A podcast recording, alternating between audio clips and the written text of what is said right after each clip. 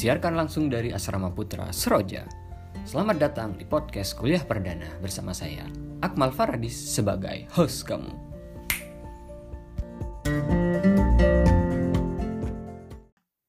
Anu dong, mulai dari apa aktivitas harianmu dong, gimana sih kerjaannya dulu? Dulu ya, dulu waktu kuliah gitu kan? Enggak, pas ini, pas bergabung di tempat kerja yang baru, apa namanya udah? Nah, Sinhan Futures Lab Indonesia. Ah, Jadi di Sinhan Futures Lab Indonesia itu ada tiga orang yang apa? Tiga orang Indonesianya gitu loh, selain bos orang Koreanya gitu. Eh, kita fokusnya di riset perdagangan gitu. Kalau aku bagiannya internal relation manager, jadi lebih ke ngurusin masalah internal sih kayak tax, legal gitu kan. Terus kayak eh, apa ya? Apa sih kayak riset sih, lebih banyak risetnya market riset eh, sama kalau kadang-kadang investment riset gitu kan. Terus juga kadang-kadang eh, bapaknya, kita manggilnya bapaknya sih.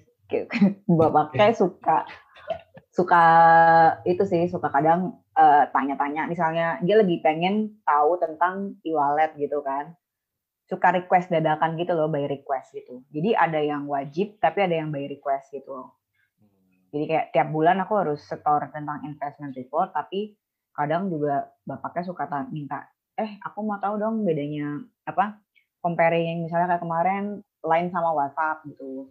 Dia mau tahu kom apa perbedaannya gitu kan. Karena orang Korea kebanyakan kan pakai kakao. Jarang yang Hmm. pakai kayak line atau WhatsApp kayak dia mau tahu misalnya kayak gitu. Atau misalnya Gojek sama Grab kayak market value-nya kayak gimana terus eh, apa bedanya produk yang sama apa aja kayak gitu gitu sih. Suka-suka itu itu yang request suka-suka sih. Oh. kebanyakan emang lebih ke kayak gitu. Kalau tapi kalau kayak tax legal oh sama itu sih sama sosial media account gitu. Jadi kayak ngurusin di Instagram Twitter gitu kan hmm. sama Facebook fanpage-nya juga. Terus kadang lebih sering ngebantu itu juga sih. Ngebantu buat bikin press release gitu kalau misalnya kita kirim apa informasi ke media. Kayak kemarin open recruitment atau misalnya bikin kayak template buat email. Kemarin yang baru juga bikin itu sih template buat surat. Ternyata belum belum ada belum pernah bikin surat. Karena memang jarang kebanyakan pakai email gitu kan. Terus nggak pakai nomor surat gitu. Jadi kayak oh ya udah sekalian dirapin aja gitu. Jadi kemarin sempat bikin juga baru bikin nomor surat udah sih kayak gitu. Nggak terlalu apa ya nggak terlalu ribet-ribet banget. Cuma kerjanya modelnya kayak kecil-kecil tapi banyak gitu. Oh, iya, iya, iya. Anu, agak nggak nyambung sebenarnya. Cuma cuma karena riset aja sih jadinya oh ya udah gitu. Ya. bisa jadi anu ya, tetap di bagian R&D setelah dari setelah dari dapur. jadi dapur R&D-nya beda arah lagi Lah kemarin yang dapur itu gimana jadinya? jadinya di take over sama temenku kan kita berdua gitu kan Heeh. terus kayak apa namanya karena aku kerja di Jakarta terus kan nggak mungkin bisa maksudnya emang bisa maksimal ngurus-ngurus kayak gitu. Terus kalau udah apa-apa kan pasti yang masak juga temanku doang kan di sana jadi ya udah take over sama temanku aja gitu. Oh. Tapi anu masih pegang sahamnya. saham sih sama dia kan dibalikin semua gitu. Soalnya kan dia juga bingung ya ngitung-ngitungnya kayak gitu gimana daripada kayak malah ribut apa gimana. Jadi itu dibalikin semua. Misalnya ntar kalau misalnya aku mau ada project atau apa gitu project kayak ulang tahun idol jadi kayak bikin pack package kayak gimana gitu-gitu kan bisa ngajak kerja sama ntar kayak based on project kayak gitu sih Oke. Siap. Oke. Nah, cuman karena apa? Pengantarnya udah sedikit masuk. Kanan dulu, gak gambaran secara umum yang dilakukan apa. Tapi yang belum kita Hmm. singgung adalah sebenarnya siapa yang saya ajak bicara. Hahaha. Beberapa Siapa? format apa ya podcastku yang sifatnya percakapan itu aku nggak langsung ngenalin apa nggak langsung ngenalin gue sih di awal tapi langsung aja percakapan sekarang waktunya kenalan sis kenalan ya ya anu lah nama, terus tadi kan pekerjaan udah eh, Mm-mm. anu ini apa? Asal pendidikan sebelumnya yang anu aja, singkat aja. Yo, ya. Eh, jadi nama pakai aku apa saya atau gue? Ini gimana? Terserah. Terserah. Ya biar kayak anak-anak sopan gitu ya. Nama aku nama aku Syifa Adiba, biasa dipanggil Syifa. Eh, ada stage name-nya sih. Kalau stage name-nya tuh at Sipoh gitu kan biasanya. Stage name. biasanya stage name iya soalnya kayak yang temanku yang deket manggilnya udah nggak Siva gitu manggilnya Poh gitu Poh gitu pasti kayak gitu. Eh terus eh dulu kuliah sempat kuliah S1 di UI UI Mm-mm. Jakarta ya bukan UI Jogja kan ada dua tuh. UI Jakarta cabang Depok tapi bukan Depok yang di Jogja. Jadi cabang Depok kan ada cabang Jakarta kayak Salemba ada yang cabang Ah, Depok gitu kan jadi yang di Depok ambil jurusan ilmu perpustakaan. Nggak tahu sih maksudnya kadang ada yang juga bilang ilmu perpustakaan dan informasi tapi lebih terkenalnya ilmu perpus. Tapi kalau di aku nggak tahu kalau di UIN disebutnya singkatannya apa? Ilpus kah? Ilpus. Kalau di UIN Jogja, Mm-mm, ilpus. Di kami ilmu perpustakaan aja nomenklaturnya, terus teman-teman nyebutnya dulu ya pas aku pas angkatanku itu IP, kalau sekarang JIP. Oh ya, kalau jurusanku dari dulu sih di UI emang kita manggilnya JIP gitu. Oh, jurusan oh, JIP, ilmu hmm. perpus. Hmm, JIP gitu. Jadi kayak dari dulu udah JIP jurusan ilmu perpus. Kalau misalnya tanyain jurusannya apa, JIP gitu. Tapi Hmm. itu mungkin eh, nggak semua anak UI juga tahu gitu. Anak FIB paling yang jurusan apa JIP, oh udah tahu gitu. Kalau anak-anak luar fakultas FIB, jadi kayak di UI itu jurusan ilmu perpus masuknya FIB, Mhm. eh, itu pasti udah tahu anak-anak FIB. Tapi kalau luar FIB belum tentu tahu. Kayak pasti kita harus nyebutin nama jurusannya dengan lengkap ilmu perpustakaan kayak gitu. Terus sempat lanjut lagi S2. Jadi setelah lulus eh, kebetulan ada pembukaan beasiswa terus mereka lagi butuh orang banyak gitu. Jadi karena aku daftarnya bukan yang batch reguler, jadi daftarnya yang batch afirmasi gitu Oh. terus coba iseng aja daftar sebenarnya waktu itu. Kalau nggak keterima ya udah lanjut kerja gitu cari kerja. Karena emang aku lulus lebih dulu jadi kayak teman-teman masih pada skripsi aku udah kelar gitu. Jadi kayak kelarnya kan tiga setengah tahun. Nah jadi ah teman masih santai sama ibu juga sebenarnya disuruh udah nggak usah kerja dulu. Temannya juga belum pada lulus sana main-main dulu gitu. Cuma ya udah iseng aja gitu. Terus malah keterima jadinya mau kuliah tadinya mau lanjutnya di Belanda ngambil spesialisasinya itu book and digital media studies di Leiden. Cuma kayak ada terbentur masalah IELTS gitu kayak udah tiga kali tes apa ya? Oh, Eh, tiga kali. tiga kali tes kayak sebenarnya nggak ada masalah di overall band kayak overall band udah tujuh. Cuma dia maunya untuk eh, writing dan reading juga harus tujuh. Nah reading sih dari dulu dari tes pertama alhamdulillah udah bagus gitu kan tujuh setengahan gitu tapi kalau writing tuh mentok enam setengah sampai tiga kali tes jadi aku memutuskan untuk mencari kampus lain karena beasiswanya itu menyaratkan kayak satu tahun kamu harus bisa dapat kampus lah karena aku daftar beasiswanya dulu baru cari kampusnya gitu. Mm-mm. terus akhirnya malah nyasar di Aussie itu ambil Anjir nyasar. nyasar karena sebenarnya juga waktu itu aku udah dapat eh, LOL lagi di KCL tuh King's College London Unconditional. terus eh, masih kondisional soalnya waktu itu IELTS-nya kan belum yang yang terakhir kan baru yang tujuh itu yang terakhir gitu Oh. terus sebenarnya bisa dijadiin karena udah sesuai udah apa namanya IELTS-nya udah sesuai udah sesuai maunya mereka bisa aku jadiin unconditional gitu cuma masalahnya adalah waktu itu pihak beasiswanya udah nggak mau nerima eh, itu kan eh, sistem kampusnya itu jadi kayak setahun di eh, Inggris setahun di Jerman.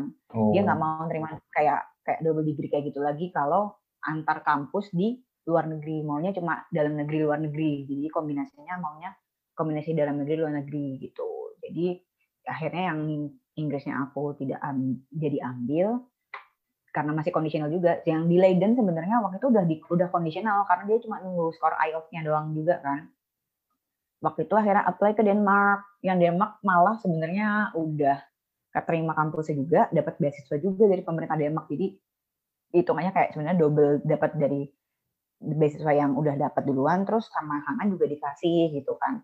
Ambil kalau yang di Denmark ambil library science, library science. Kalau yang di Inggris kan kemarin ngambilnya yang digital humanities juga gitu kan. Hmm. Cuma ada sedikit uh, problem antara pihak pemberi beasiswa dan negara yang bersangkutan jadinya mencari kampus lain lagi hingga akhirnya nyasar di Australia gitu.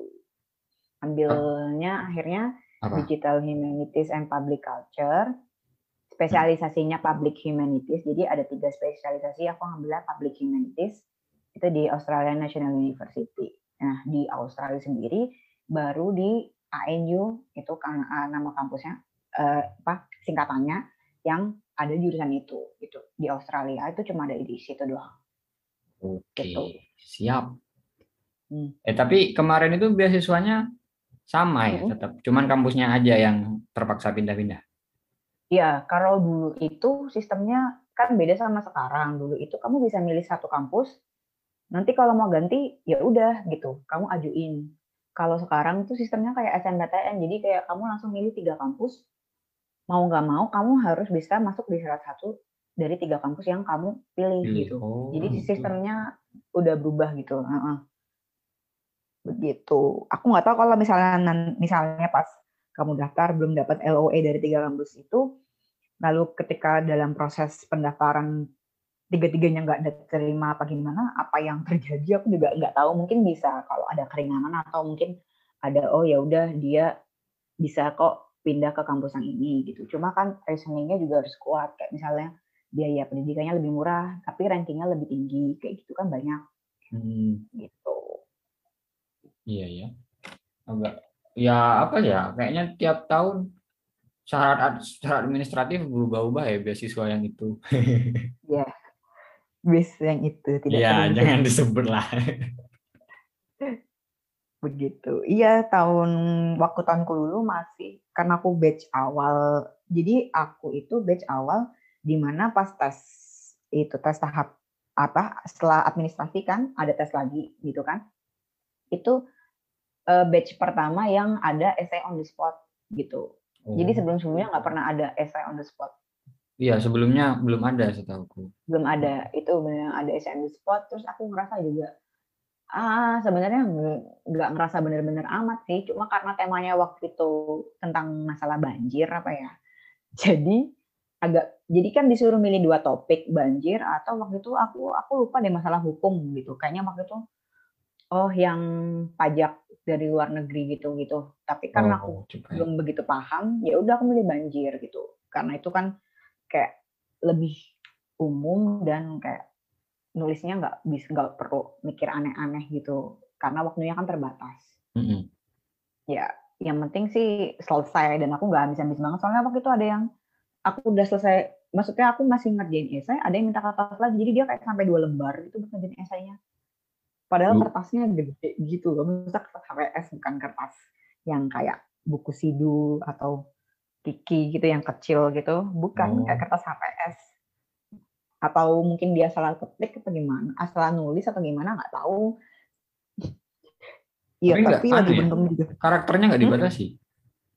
Waktu itu belum kali ya, karena itu masih kayak bener-bener kayak pilotnya gitu, baru pertama oh. kalinya gitu. Jadi bener-bener nggak ada. Di pas kita tanya kan ada yang nanya e, panjangnya berapa? gitu kan. Nggak ada nggak ada batasan kok gitu. Udah. Jadi ya udah aku sih nggak kayak cuma lembar setengah cuma setengah kayak malah. Gitu. Oke. Jadi buat teman-teman yang mendengarkan uh, kita bisa melihat secara background pendidikan kak Siva ya Siva uh, apa ya dua apa uh, S1 S2-nya bisa dibilang dua kali berturut-turut belajar di perguruan tinggi yang bagus dalam bagus dalam arti lingkungan akademiknya bagus. UI itu kan termasuk salah satu PTN ya. Atau ya perguruan tinggi yang terbaik di Indonesia, salah satu yang terbaik. Di apa di Australia ENU setauku masuk grup 8 nggak sih? Ya Group of Eight terus Group yang paling Eight. bagusnya emang Enyu. Wah, enak nih. Jadi kita bisa Apanya yang enak nih? ya enak enak bagi teman-teman yang mendengarkan karena kita bisa berharap untuk mendapat insight yang bagus dari Anda. Waduh berat nih. Ini kan lagi nggak kuliah. ya, ya, jangan anu ya, jangan apa? Jangan terlalu terbebankan oleh hal-hal teoritis. Kita sedikit sedikit menurunkan tensi. Milih yang ringan-ringan Betul. aja kayak flashback masa kuliah Anda gitu aja sih. Gimana? Ya silahkan kan saya hanya mengikuti kemauan Akmal Asik. Mau one kayak host. manggil kayak manggil adik sendiri gitu. Eh, Oh iya btw nama adik Apa? nama adik aku Akmalia gitu kan. Karena emang sebenarnya di dulu waktu hamil adik aku dokternya tuh bilang anaknya tuh cowok gitu. Udah nyiapin nama ya cowok doang nggak nyiapin nama cewek. Jadi namanya tadinya maunya Akmal Adib karena biar ngikutin nama belakangku tapi kayak karena cowok nggak pakai Adiba gitu loh. Jadi maunya Akmal, Adib gitu kan. Tapi ternyata pas lahir cewek, terus bingung kan, nggak nyiapin nama cewek, terus sama bapak cuma eh babah gitu ditambahin itu jadi Akmalia, terus Adibnya jambi Ak gitu, jadi Akmalia Adiba. jadi sebenarnya namanya tuh nggak itu, nggak direncanain jadi nama kayak gitu, karena nggak bikin nama buat anak cewek gitu waktu itu. Jangan-jangan kita adalah saudara yang tertukar, ya. Kayak tingkah laku kalian tuh mirip-mirip gitu, aku heran. Ya itu aku, aku juga heran itu. Kamu Scorpio kan? Aku can, Jangan-jangan kamu apa? Cancer. Wah, kenapa Mbak kita bahas zodiak jadinya? Mungkin karena kita eh enggak, saya enggak tahu. Ya mungkin karena kalau aku sih di lingkaranku teman-teman sering bahas itu. Jadi tapi jadi jokes aja sih Just for sebenarnya. Ya just for fun gitu paling. Enggak tahu, Kak. Wal Tuh. nama mirip terus Ya, kalau mirip. nama mirip. aku agak mirip ya. nor- normal lah. Cuma mungkin adekku lebih aneh sih kayaknya. Tapi kalau kelakuan ada yang mirip anehnya itu ya itu aku juga nggak paham. Hmm. Iya, kurang lebihnya seperti itu ya. Seperti itu ya. Dan kita itu Hmm. pertama kali ketemu pas Iko ASL 2017 ya. Iya, pas conference waktu itu sama Bu Labibah dimintain tolong kan eh, mau ikut conference apa enggak gitu. Terus kebetulan emang habis resign dan sama temanku si Nanda. Kamu masih ingat nggak Nanda? Ingat sih. Cuman apa ya tidak nggak komunikasi. gitu. ya sama Nanda dimintain Siva sama Nanda ikutan yuk conference gitu oh ya udah gitu bisa kok gitu akhirnya ya udah aku sama Nanda berangkat terus sama Bu Labibah ini aja bantuin anak-anak yang anak-anak mahasiswa UIN buat kayak gimana caranya buat posting kayak Hmm. di sosmednya manage kayak gitu terus buat apa sih kayak lebih ke sosmed ya waktu itu disuruh waktu itu ke bantu-bantu sosmed. Mm-mm, jadi kayak gitu aja sih. Sama susunan acara kayaknya waktu itu siapa ya nenek gue lupa deh. Ya seperti itu kurang lebihnya. Seperti itu Terus kayak yang paling sering berhubungan ya sama kamu doang, yang lainnya udah. Kayak karena waktu itu nomorku juga kan ke gan- ganti kan, nomor yang lama mati, aku lupa isi pulsa. Pas balik ke Indo sempat ganti, tapi balik Aussie lupa lagi di isi pulsa. Jadinya akhirnya pas balik Indo, Indo beli nomor baru lagi. Jadi benar-benar kayak nomor yang lama udah hilang dan kayaknya udah dipakai orang juga sih nomor yang lama. Tuh ya udah. Ya udah. Jadi nggak pernah kontakan lagi begitu. Sam- palingnya sama dosen-dosenmu sih yang masih agak kontakan. Heeh. Soalnya kan dulu itu apa ya kepanitiaan kegiatan tuh kebagi eh, satu dua anggaplah tiga tiga layer layer pertama itu di tataran internasional gitu kan dengan kerjasama Hmm. di SLE itu terus layer Hmm. kedua itu Indonesia nah Indonesia ini ke perpus juga sih kan di bawah naungan perpustakaan UIN layer Hmm. ketiga itu mahasiswa Nah, aku kebetulan yang waktu itu jadi koordinator ke mahasiswa. Jadi aku ya komunikasi sama tiga layer itu masing-masing. gitu. Kamu kan sifatnya, kamu waktu itu kalau nggak salah masuk di kepanitiaan nasional. Jadi ya aku komunikasinya ke kamu. Mm. Kamu kemarin anu nggak sih? Pas ini kan tahunya sama Bula Bibah itu karena ketemu di Korea ya?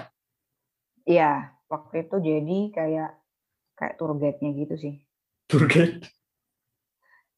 Ya, jadi kayak karena sebenarnya kan karena wak, apa dosen-dosen nggak bisa bahasa Korea gitu kan. Hmm. Terus mau jalan-jalan sendiri kayak banyak titipan oleh-oleh. Terus ya bahasa Korea aku sebenarnya juga nggak begitu maksudnya ya bukannya bagus banget. Cuma kalau cuma nanya jalan terus kayak bisa baca hangul juga gitu kan. Jadi Cukup ya gitu ya. udah mereka mm, terus aku di dianggap tahu tempat beli-beli barang jadinya ya udah mereka pada ngikut terus juga aku kadang bantuin mereka kalau misalnya nanya makanannya ada babinya apa enggak gitu kan.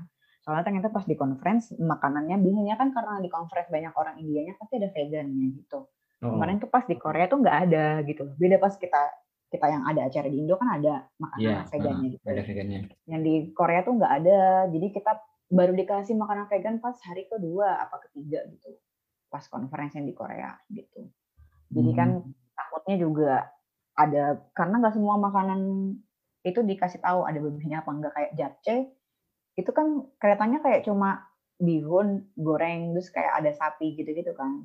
Tapi sebenarnya japchae itu konsepnya harus pakai daging babi gitu. Makanya pas saat itu bu siapa ya? Bu Maria udah mau makan. Udah ditaruh di piring waktu itu. Terus aku bilang bu itu ada babinya. Nggak jadi akhirnya dimakan. Well, soalnya aku tahu pasti kayak gitu pasti pakai babi. Kalau yang japchae kayak gitu. Kalau di Koreanya pasti pakai babi gitu. Iya, kemarin aja makanya kalau orang muslim ke lingkungan yang lebih hetero ya, mungkin harus hati-hati makanan gitu. Tapi kalau dalam kondisi sebaliknya eh, hampir tidak ada anu sih masalah. Kecuali memang orang-orang tertentu punya restriction food restriction tertentu. Misal nggak ada yang bisa makan eh, ini apa kacang-kacangan gitu. Ada atau kandungan tertentu gitu. Kemarin sebelum pemil kan ada anu ya kayak angkringan gitu kan. Mm. pas hari keberapa itu aku lupa. Memang ada ini sih diskusi mengenai makanan itu. Karena memang ada kayaknya di fo- form apa di mana gitu aku lupa. Panitia dapat informasi pemetaan berat pesertanya itu di bagian mana ada yang punya restriction tertentu jadi kita juga hati-hati sih pas nyediain dan sebenarnya sih aku dapat bocoran kalau nggak salah Bula Bibas sih yang ngomong dari pihak penyelenggara ini dari SLE atau kepengurusan SLE secara umum yang di. Indonesia itu yang 2017 kemarin itu yang paling bagus selama penyelenggaraan IPA SL gitu katanya. Oh, Saya ikut senang meskipun hanya jadi tim riwariwi. Iya. Yang tahun ini Karena gimana? Nah, kemarin terakhir sih katanya mungkin mau offline sebenarnya. Karena di Korea kan kayak kasus COVID-nya nggak sebanyak di sini. Cuma Hmm. kemarin di Korea sempat naik lagi juga kan kasusnya. Iya. Eh, lagi consider mau online. Cuma kemarin aku udah udah apa ya sama temanku udah bikin, udah abstraknya diterima. Cuma sama temanku kita mikir kalau misalnya emang nanti akhirnya jadi itu pas banget Lebaran gitu. Aku sih nggak masalah pergi. Misalnya kalau nanti pergi ke Korea gitu. Tapi temanku nggak mau dan apalagi pas lagi COVID kayak gini kan malas juga sebenarnya pergi ke mana-mana. Walaupun visa Korea aku masih ada sih. Cuma ya males juga kan pergi pas lagi COVID. Maksudnya lebih terbatas juga gitu. Jadi Hmm. kemarin sama Bula Biba tanya masih belum ada kejelasan. Kita tanya ke panitianya juga secara umum nggak nggak ada kejelasan mau jadinya online apa gimana. Jadinya ya udah aku sama temanku ya udahlah nggak usah dilanjutin. Nanti abstraknya bisa dipakai ke yang lain lagi gitu. Oh ditarik berarti. Hmm, nggak kita tarik sih. Maksudnya kalau kita nggak setor full paper kan sama aja kita nggak Oh nggak iya. iya, apa benar. ya nggak apply kan gitu. Ya nggak nggak boleh. Kecuali kalau kamu udah setor full paper gitu kan harus ngasih tahu kalau misalnya kita nggak bisa nggak jadi ikut apa gimana gitu. Ya betul betul. Soalnya itu kan sekitaran pertengahan Mei. Hmm, dan aku juga nggak yakin gitu loh, udah benar-benar kondusif nggak sih dia di kedua negara ya di sini sama di Korea gitu. Atau meskipun tetap bisa pergi, mungkin wisata segala macamnya ya tetap terbatas gitu. hmm. Kamu ngambil apa tema apa kemarin? Kemarin itu ngambil tema apa ya? Gue lupa sih. Kebanyakan nulis. Kebanyakan Kemarin ngambil kebanyakan nulis sebenarnya. Enggak, soalnya kemarin sempat bikin tiga sebenarnya sama temanku. Tapi yang kita masukin satu doang. Kalau nggak salah itu yang hmm, yang apa sih ya? Kan temanya COVID semua kan. Nah, COVID relation, ah, COVID related. COVID related. Oh, apa sih kok nggak ada sih? Ih, aneh banget. Tunggu, apa ya? Eh, oh, ini impact-nya PSBB Oh ya, sama mm-mm, PSBB sa- pas lagi COVID ke layanan perpustakaan universitas.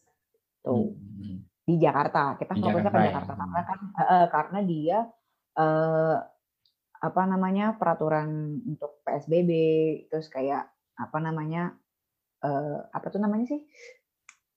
Ya. absensi PSBB tuh pokoknya yang antara PSBB gitu-gitu itu jelas gitu. Dan ada press release-nya. Jadi kayak kita bisa tahu nomor undang-undangnya segala macam itu kan bisa dimasuk-masukin jadi kayak biar kelihatan jelas banget apa jumlah apa ada peraturannya apa.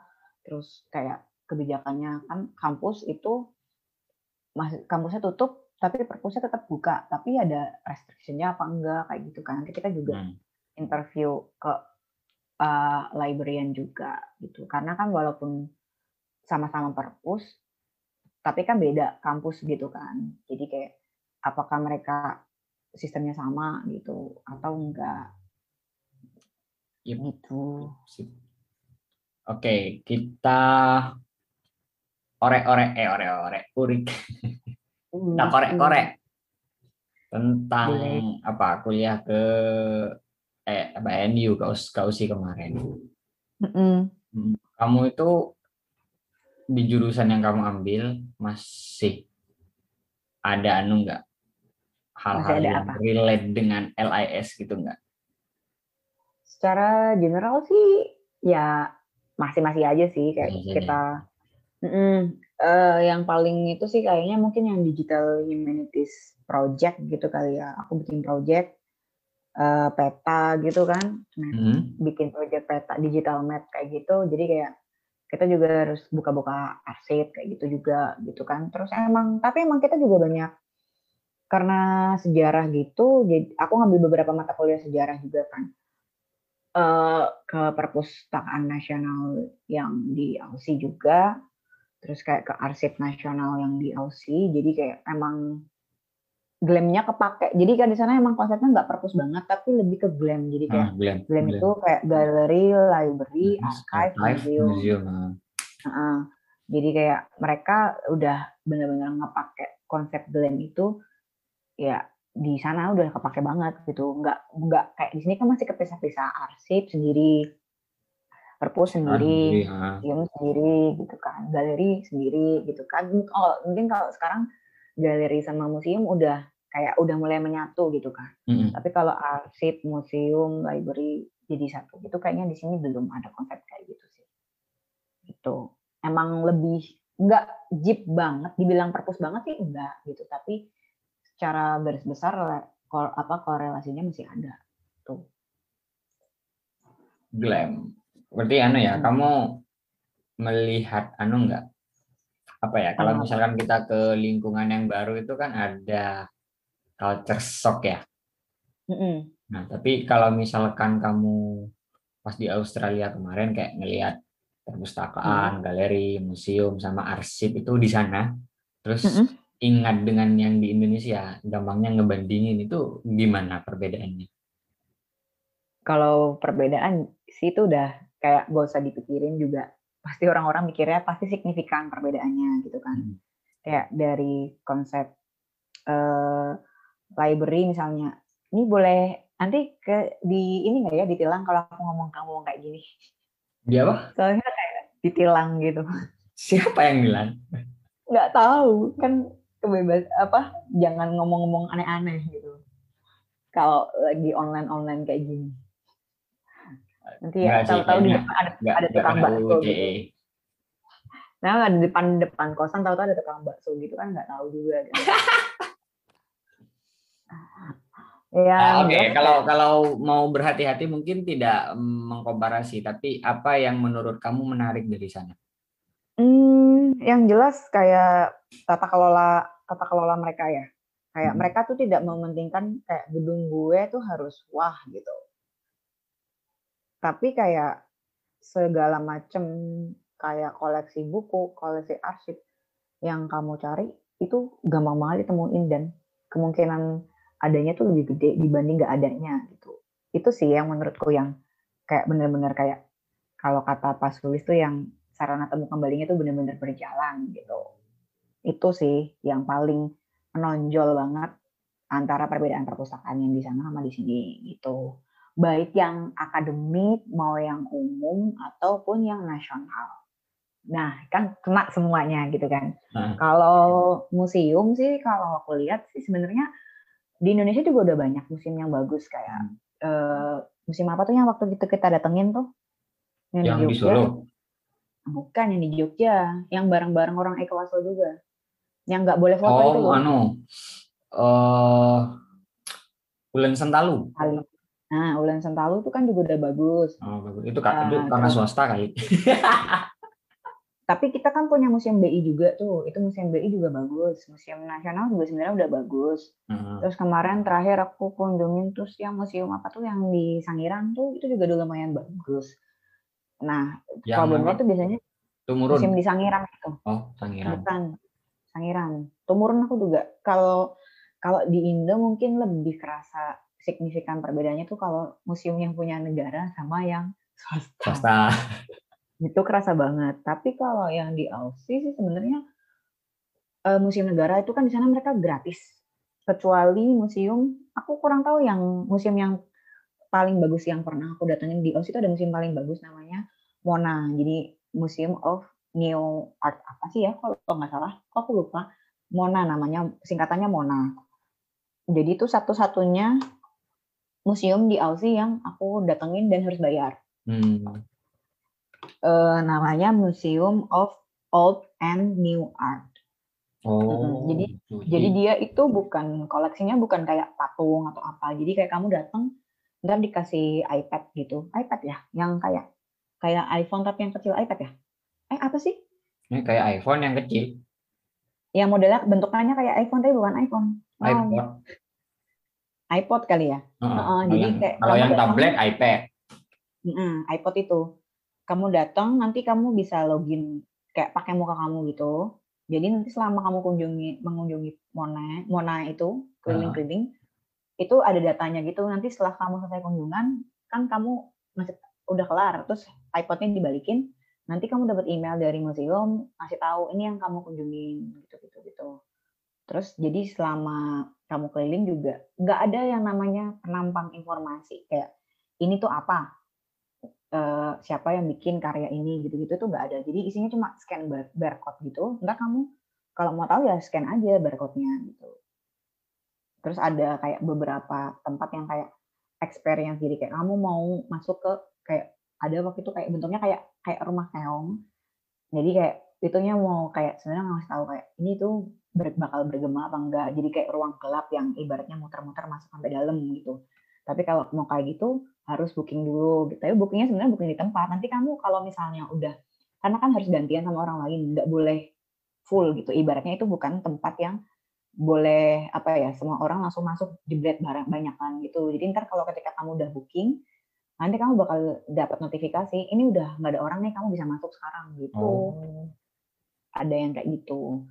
Terus asik sih itu kayak lebih ke kayak apa ya? Ke, kayak playground sih lebih kayak main-main main-main gitu di Melbourne juga ada sih yang serupa, cuma beda. Kalau di Melbourne itu ada yang museum apa ya namanya di Flinders Museum kok aku lupa bukan NGV sih bukan National Gallery uh, bukan Melbourne Museum uh, jadi isinya tuh kayak ada game kamu bisa mainan game gitu mm -hmm.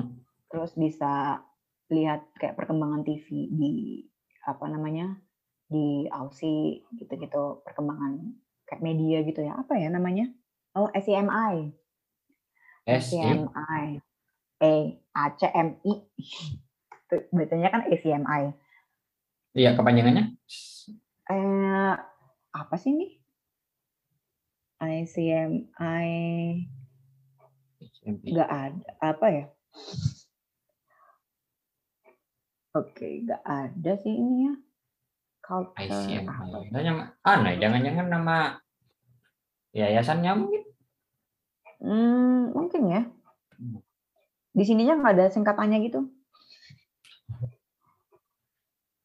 Tapi anu ya, seru juga ya, kayak yang Mm-mm. Mona tadi ya.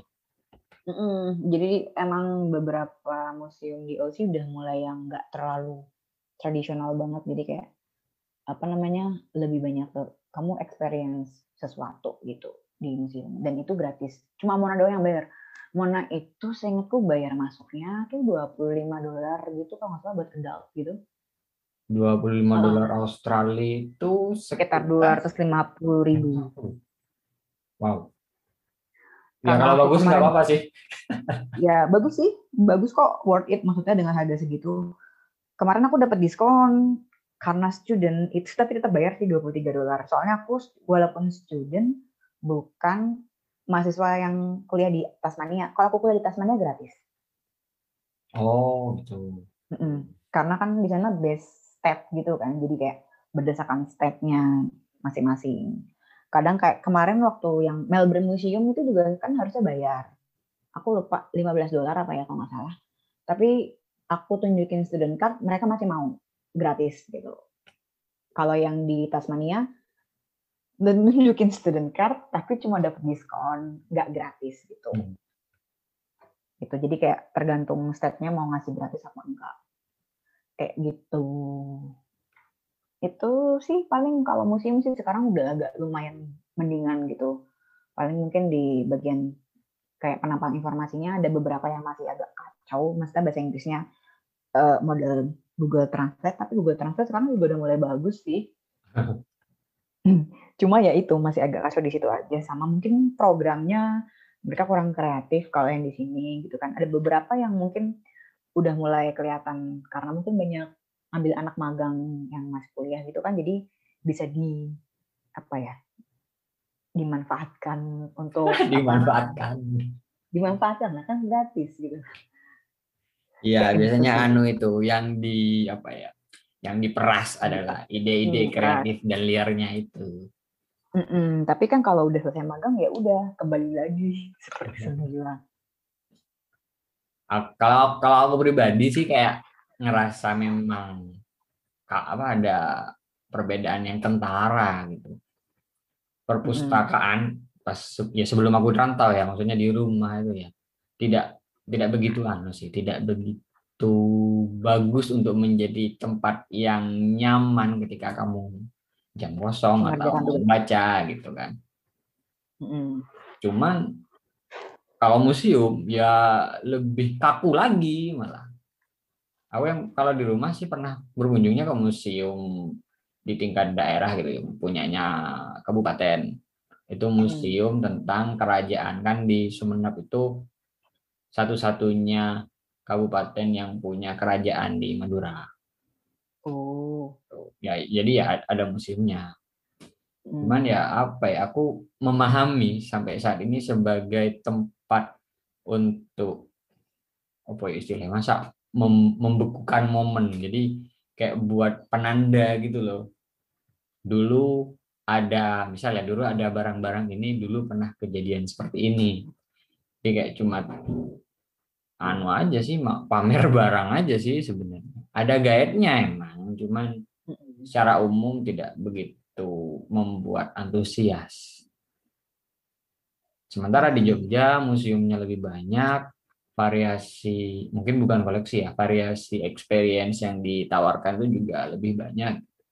Walaupun aku juga nggak berkunjung semuanya, ini banyak kok sih, ada 40-an apa ya Tuh. di Jogja Banyak. itu. Aku ada direktorinya soalnya. Cuman ya beberapa yang dikunjungin itu kayak Ulen Sentalu kemarin. Aku ke sana udah dua kali loh. Pas, sering ya enggak. Ya dua apa gratis gratis semua sih. Iya soalnya kan lumayan juga kan bayarnya. Ya, itu yang paling Berapa mahal ya di sini ya. Berapa ya dia? 35. Hmm, Nggak tahu kalau naik lagi. minum kan? Nah, dapat minum. Terus guide-nya interaktif gitu kan. Nah, Hmm. Itu paling Kalau- sebenarnya. ya apa yang Eko ASL itu yang kedua, yang pertama tuh aku pernah pas 2015 kalau nggak salah. Jadi Hmm. aku di kegiatan apa himpunan gitu dapat alokasi wajib kunjung museum waktu itu. Jadi ngunjungin tiga museum gratis. Seingatku treknya itu dari eh, dari Monjali pertama, yang kedua Museum Gunung Merapi, terus ketiga Mhm. Ulen Sentalu itu. Hmm. Museum Gunung Merapi itu yang kita datengin juga nggak sih waktu kita Iko Asal itu? Yang anu itu loh, yang apa ya? Bentuknya Itu bukan museum ya? Itu museum bukan yang kita datengin pas Iko Asal? Oh, itu bukan museum itu. Oh, Kita treknya apa aja sih? Kok aku lupa yang jelas ke Ulen Sentalu itu yang jeep itu kan? Iya, yang jeep itu. Terus kita Ah. kan tapi kan datang ke tempat yang kayak kampung yang kena. Ah, Gitu tapi itu kan, bukan alamannya. bukan museum Gunung Merapi itu. Aku lupa Oh, nama itu bukan. Bukan bukan yang Oh, bukan yang itu. aku pernah, aku pernah sih kayaknya ke Museum Gunung Merapi. Kayaknya dia itu nanti ada ada yang bisa lihat film juga kan. Gitu. Ah, ah. Kayaknya itu waktu aku SD atau Oh. SMP ya. Dulu ikut, dulu soalnya aku ikut sempat ikut apa pas aku agak lupa mungkin kayaknya itu waktu dulu ikut study tour sekolahnya ibuku gitu deh.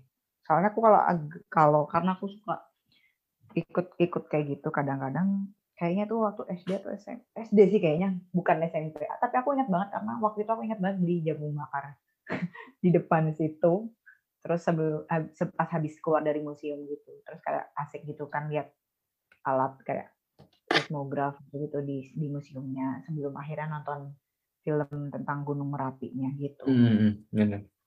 kayaknya yang itu deh mungkin yang itu Iya. mungkin bisa jadi iya bisa Iya, yang juga itu. tapi kayak yang di depannya ada apa ada banyak tukang jualan makanan gitu juga Iya, iya, iya. Hmm. sepertinya benar Oke, berarti secara tidak langsung sebenarnya apa ya? Inter bukan interkoneksi, eh, connecting the dot.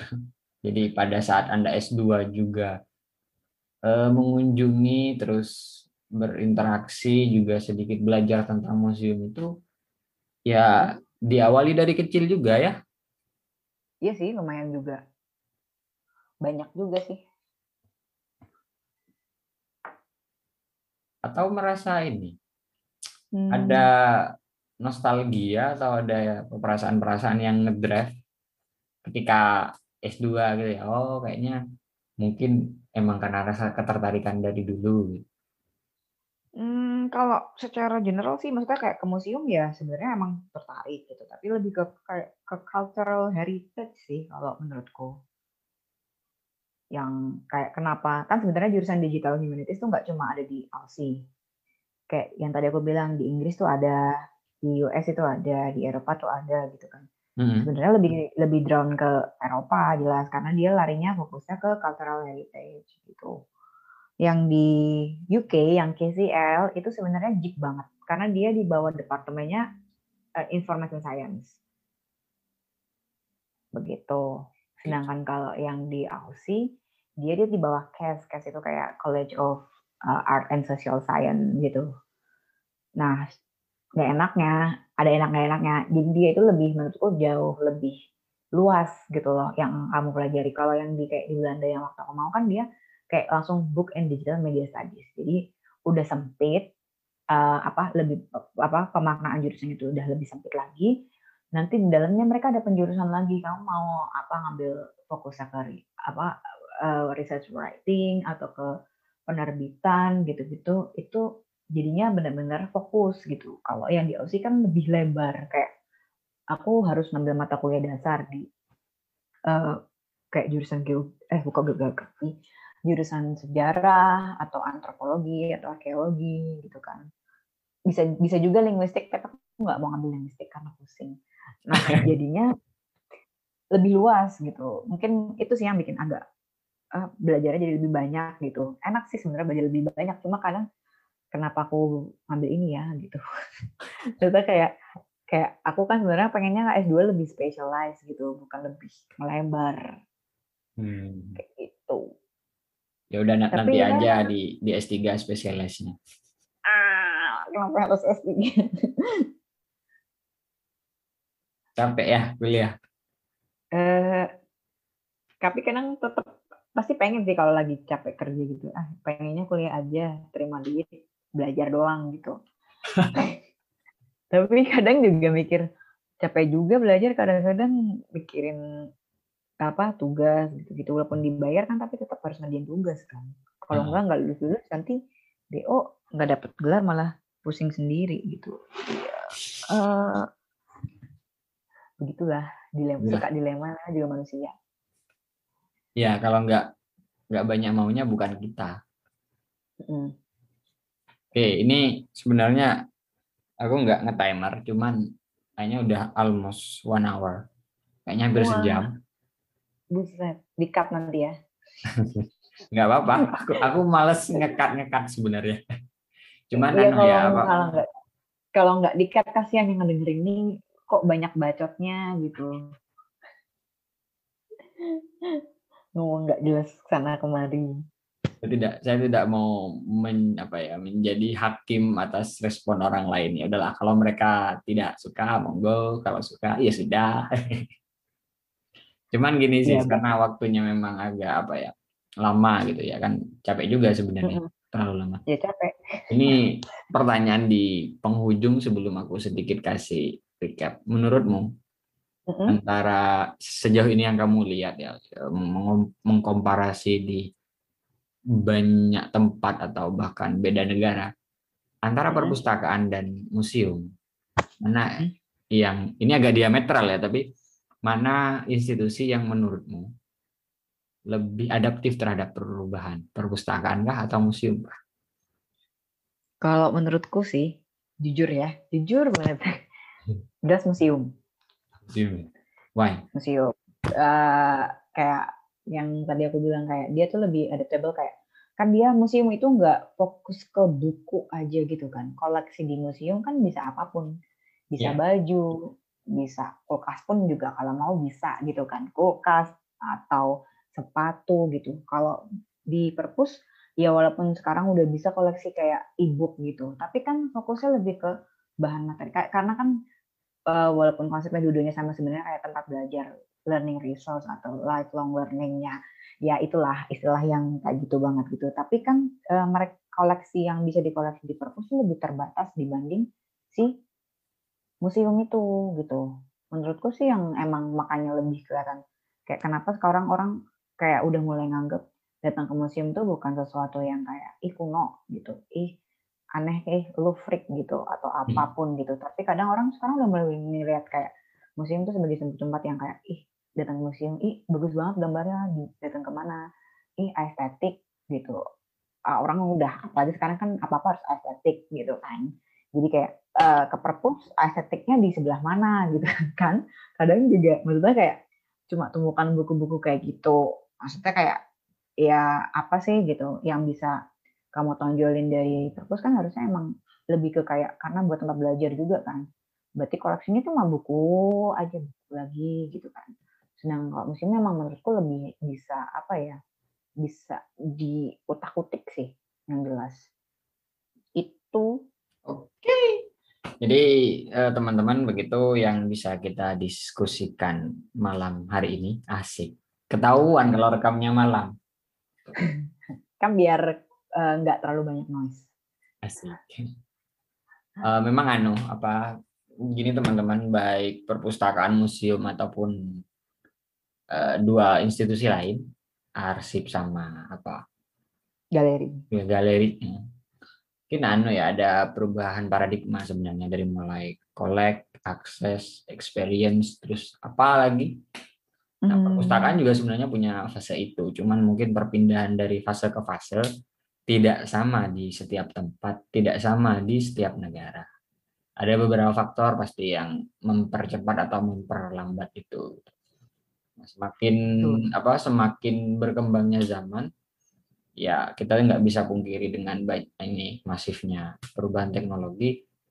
Ya tidak bisa hanya berkutat di kolek saja. Harus bisa memberikan experience. Atau kalau di perpustakaan sih apa ya generasi kelimanya itu yang aku tahu makerspace gitu kan. Jadi kayak kamu itu datang ke perpustakaan dengan membawa masalah dan bisa diselesaikan atau kamu membawa ide dan bisa diwujudkan. Aku sempat melihat contoh seperti itu ketika PKL beberapa waktu yang lalu ada satu perpustakaan punya bank swasta di Malaysia, mm-hmm. bank rakyat kalau nggak salah. Jadi ada pelatihan robotnya, walaupun untuk anak-anak ya. Jadi anak-anak di sana itu nggak cuman ya at least baca informasi tentang robot doang, tapi kamu bisa dapat pelatihan lebih khusus dan ya bisa bikin robotnya gitu, walaupun dalam tingkat yang anu ya sederhana gitu. Ya, anak-anak lah maksudnya. Anak-anak gitu kan tidak begitu rumit. Dan kalau baca newsletter atau sosial media dari perpustakaan di luar ya inovasi-inovasi seperti itu banyak sih. Terakhir kemarin ini yang sempat aku lihat tuh di Twitter. ELE apa ya yang bikin game bertema finansial untuk anak-anak. Soalnya kan sekarang ini inilah apa uh, literasi finansial, investasi-investasi gitu lagi booming kan ya.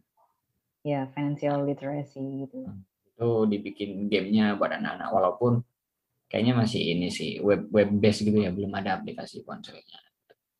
Dan ya di beberapa negara juga yang baik aku atau temanku kunjungi itu aku banyak dapat insight sebenarnya eh, tidak cuman ini sih desain dalam desain luar pun itu perpustakaan perlu juga untuk berbeda jadi kayak ada wow effect gitu loh. Wah ini perpustakaan di kampus apa atau di negara apa atau di daerah apa gitu.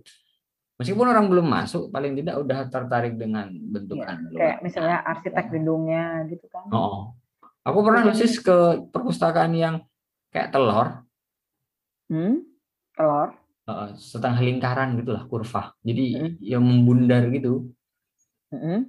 hmm itu perpustakaan eh, fakultas hukum apa ya law hmm. law, law hukum di Singapore Management University uh. di experience beda pas masuk itu kayak kok, kok miring ya karena kan ya ini. oval gitu kan hmm. di kamu masuk itu bukan ruangan kotak tapi agak agak menggok gitu Gimana? Ya, kapan-kapan aku anu sih, aku bagiin fotonya karena akan ada ini konten buat desain perpustakaan. Udah beberapa tak kalau mungkin cuman belum belum diposting semuanya. Ha, belum diposting. Udah tak pilah sih sebenarnya. Ya.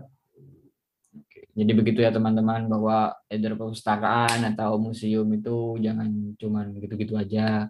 Artinya fungsinya bisa berubah sesuai kebutuhan. Kalau kayak museum cuman menyimpan benda, tapi kita bisa dengar dari pengalamannya Kak Siva bahwa ada museum yang menawarkan experience justru.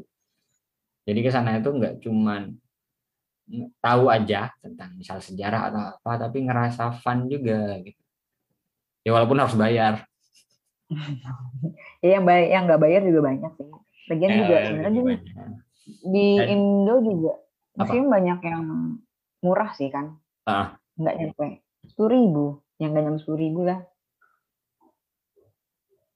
ya, ya dan ada beberapa yang bagus emang hmm. banyak sih sebenarnya museum-museum kontemporer justru yang kadang apa ya mungkin lebih banyak ke ini ke seni rupa atau seni instalasi yang kadang memang dipersiapkan ya. untuk available sebagai konten sosial media gitu.